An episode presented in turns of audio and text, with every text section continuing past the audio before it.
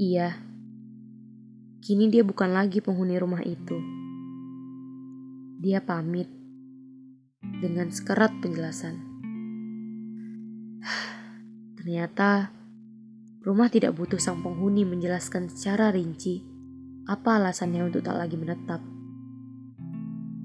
Ya begitu, yang rumah itu tahu, ia sudah begitu keras mencintainya dengan dinding-dinding beton.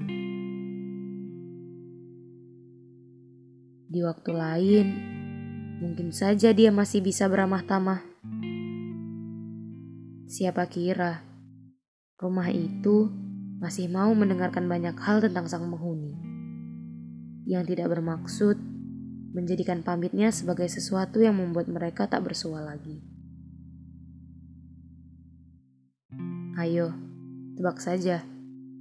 Gadis itu melihat setitik kebahagiaan yang tentu saja bukan karenanya, melainkan seorang tamu.